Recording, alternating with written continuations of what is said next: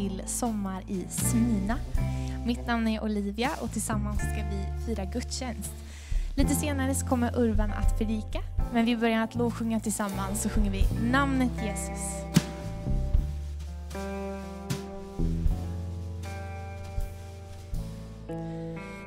Namnet Jesus vill jag sjunga, sköna namn som mig förgår. Dig jag vill med fri och tunga prisa varje dag jag får. Till de unga, till de gamla har det namnet glädjebud. Det kan kalla, det kan samla vilsna barnen hem till Gud. Namnet Jesus, himlens hälsning, det är mitt hjärtas kärlek vann I det namnet fann jag frälsning,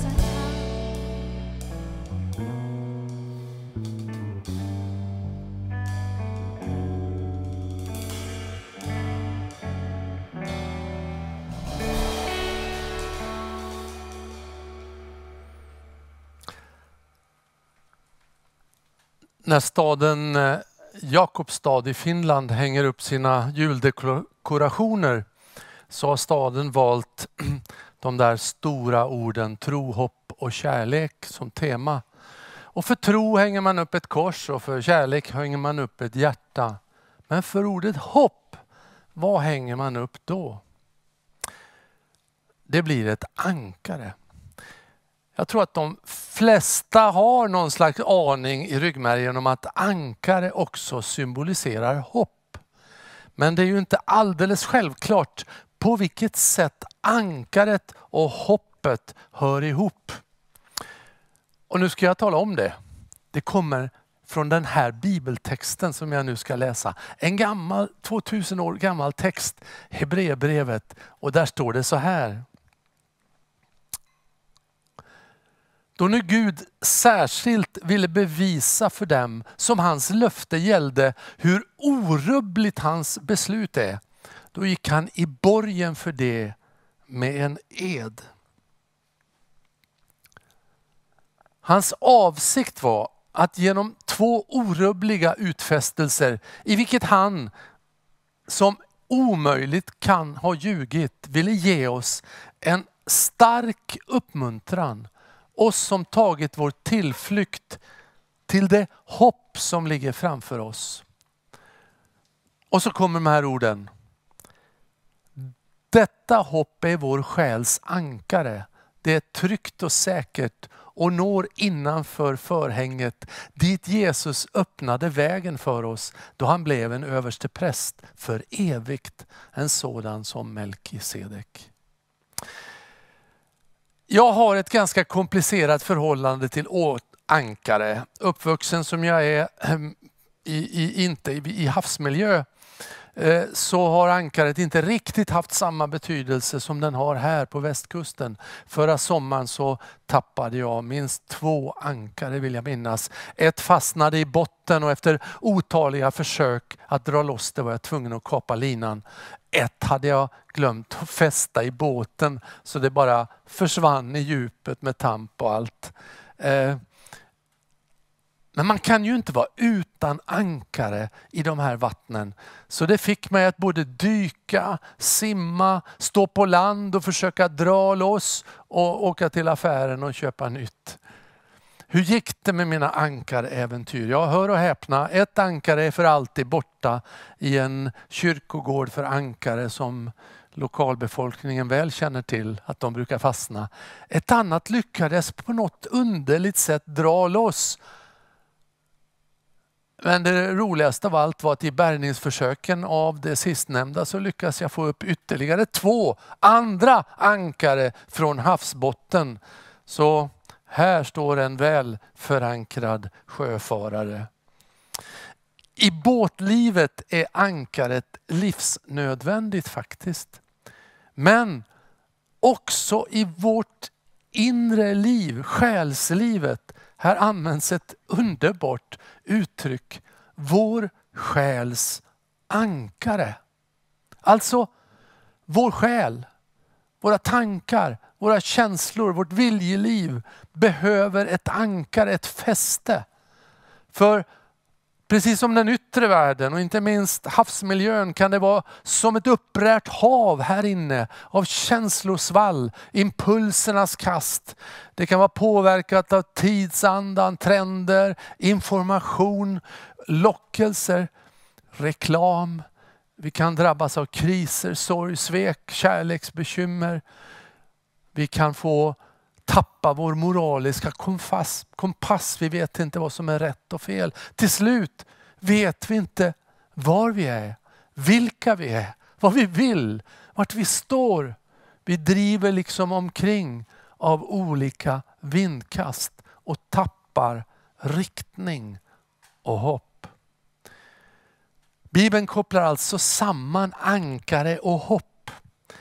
Ja, men fortfarande kvarstår liksom frågan, på vilket sätt hör då ankare och hopp ihop? Ja, jag ser två saker när jag läser den här texten och när jag tänker på de här frågorna. Alltså ankaret fäster i det osynliga, i djupet. När man har båten förankrad eh, så ser man ju inte hur den sitter fast, var den sitter fast. Det är någonstans i djupet, i det fördolda. Och så är det ju med hoppet. Det är något man ännu inte ser. Vårt hopp är inte i det synliga eller i det ytliga.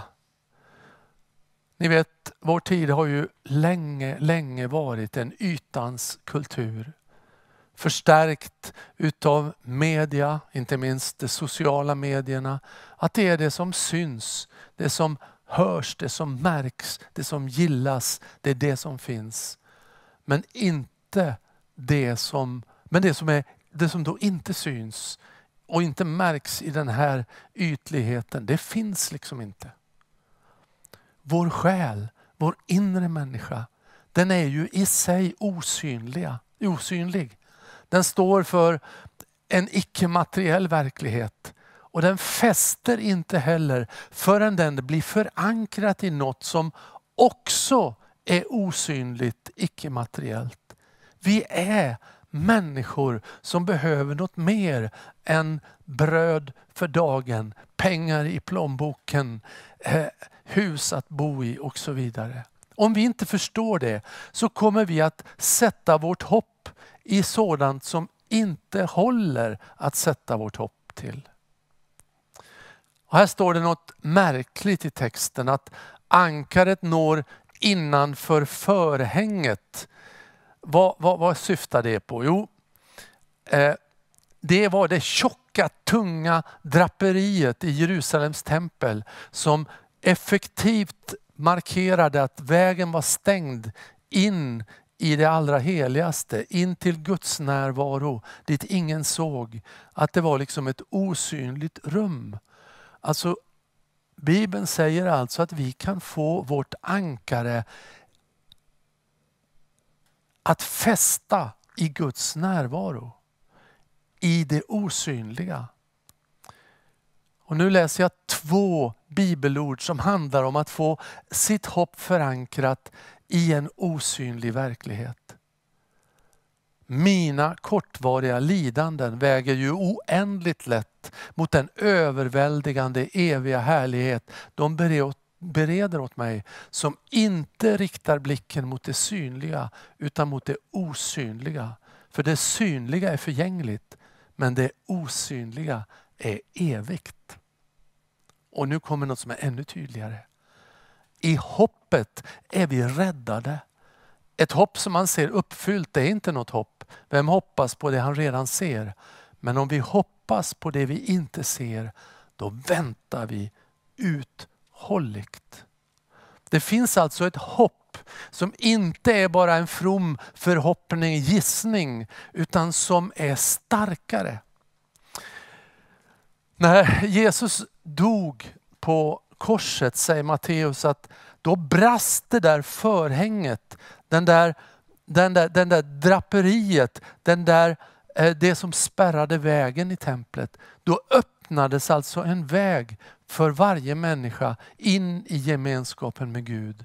En osynlig relation men mycket verklig. Genom att tro, att sätta sitt hopp till Jesus, eh, till Jesu frälsning så kan vi liksom kasta vårt själs ankare innanför det här förhänget, in på Guds sidan, in i den osynliga eviga verkligheten. Vi behöver det som människor. Att få fäste mitt i vår själs stormar, mitt i en orolig värld där inga garantier finns för morgondagen. Ankaret är en mycket gammal symbol i, i, i kristenheten. Och nu ska du få höra. Den kombinerades med ett kors. Den blev ett ankarkors. I katakomberna, den tidiga kristna, eh, det tidiga kristnas gömställe undan förföljelsen. På hela den första tiden var det förenat med livsfara att bekänna sig till Jesus Kristus som Herre. Men istället för att skriva ut och avslöja sig så använde man koder ankarkorset. Det var ett vittnesbörd om att här gömmer sig människor som har ett hopp för både för livet och för evigheten. Och det finns på runstenar i det gamla nykristnade Sverige när kampen stod också kring vad vi skulle sätta vår förhoppning till. Och Det här är den stora anledningen till att ankaret står för hopp. För Jesu död på, på korset det var en seger över allt det som hotar att dra ner oss i djupet. Att för evigt liksom släcka livslågan och livsandan.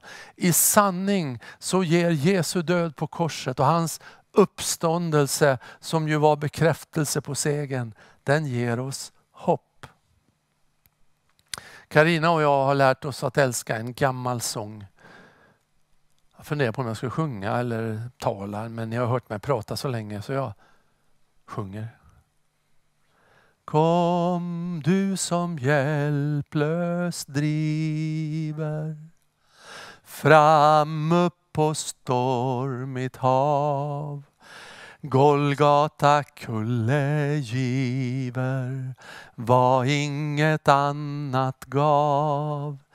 Vila för slitna tankar, läkdom för öppna sår fäste för själens ankar, kärlek som allt förmår. Det finns också en sak med ankaret och det är att det fäster liksom i framtiden. För sjömännen så var ju ankaret en påminnelse om att snart ska vi på riktigt allvar få förankra i hemmahamnen. Där bortom vågorna, de tjutande stormarna, sugande sjösjukan, den, den oerhört starka hemlängtan så väntade en hamn, en plats där man skulle kunna ankra i trygghet eh, och ett hem och ett sammanhang där man hörde hemma. Vår själ behöver också ett framtidshopp. Kristen tro handlar inte bara om nuet, den här världen. Om att försöka finna det bästa livet, den bästa njutningen här. Hur väl du lyckas få fäste med ditt ankare där ute till havs så vet du att det är tillfälligt. Det återstår en sträcka av din seglats och det är inte garanterat att den kommer att bli lugn. Vi är på en resa fortfarande.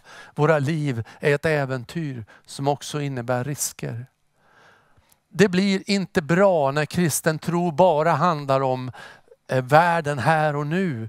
Om att förbättra tillvaron. Det är ju viktigt också. Men om det bara blir det jordiska, då blir det inte bra. Lika fel är det ju om vi bara pratar om det himmelska eh, målet där. För det himmelska och det jordiska är två viktiga sidor av myntet. Där det jordiska faktiskt inte är den bästa sidan. Den är en försmak, en för, förankring, ett förstadium som fröet eller puppan. Bibeln säger att jag vet vilka tankar jag har för er. Jag vill ge er en framtid och ett hopp. Och ankaret är knutet till Guds löften för framtiden. Jag predikar inte tomma vallöften som inget betyder. Jag predikar Guds löften. Texten talar om att Gud genom ett orubbligt beslut, något som är tryggt och säkert, har gett oss löften både för livet och för evigheten. Och genom årtusenden har de här löftena prövats och burit genom livets och historiens stormar. Genom sjukdomslidande, orostider, krig och för all del pandemier i en orolig tid så får jag idag berätta att din själs ankare kan få fäste både för livet här men också inför en oviss framtid och evighet. När en båt närmar sig land eller hamn så bestämmer kaptenen exakt när ankaret ska kastas. I detta fall så är det faktiskt du som är ditt livs kapten. Du bestämmer om var och när du vill kasta ditt livs ankare. Vill du förankra i aktier, bankkonton, mänskliga relationer, samtida strömningar och idéer? Eller i Guds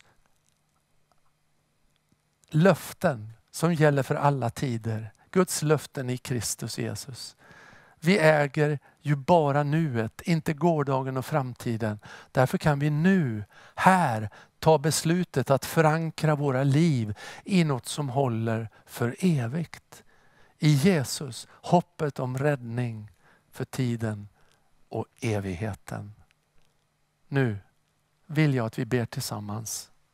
Och faktiskt i den här bönen kan du ge kommando att säga jag vill, jag vill kasta mitt ankare på Jesus. Jag vill kasta det innanför förhänget, in i den andra världen, i det eviga, i det som håller.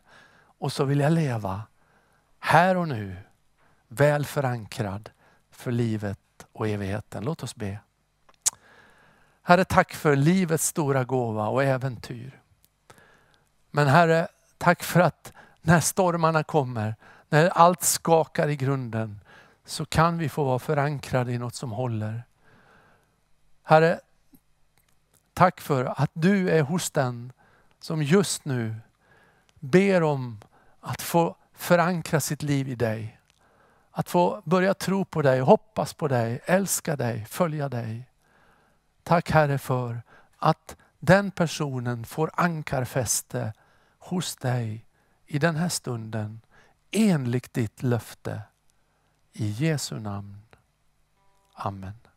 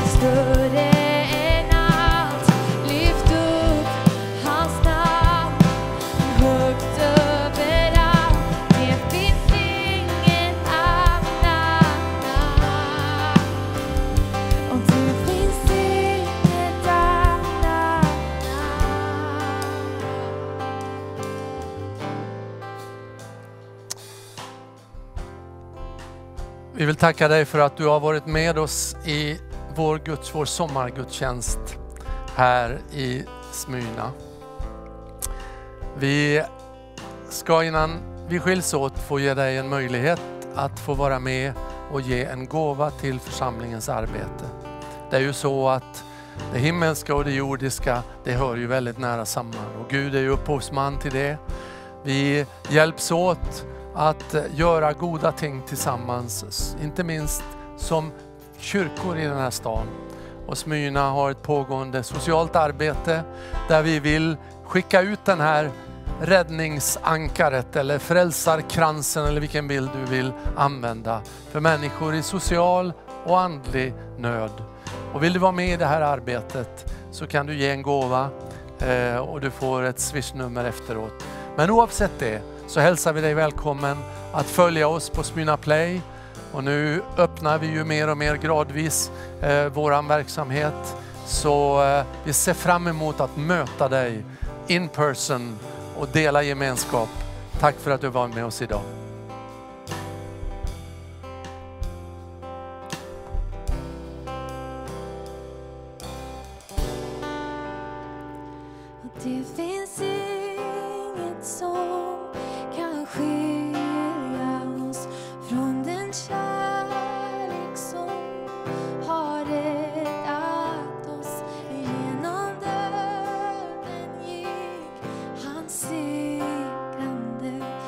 Jesus övervann vår död och synden tappade sitt grepp.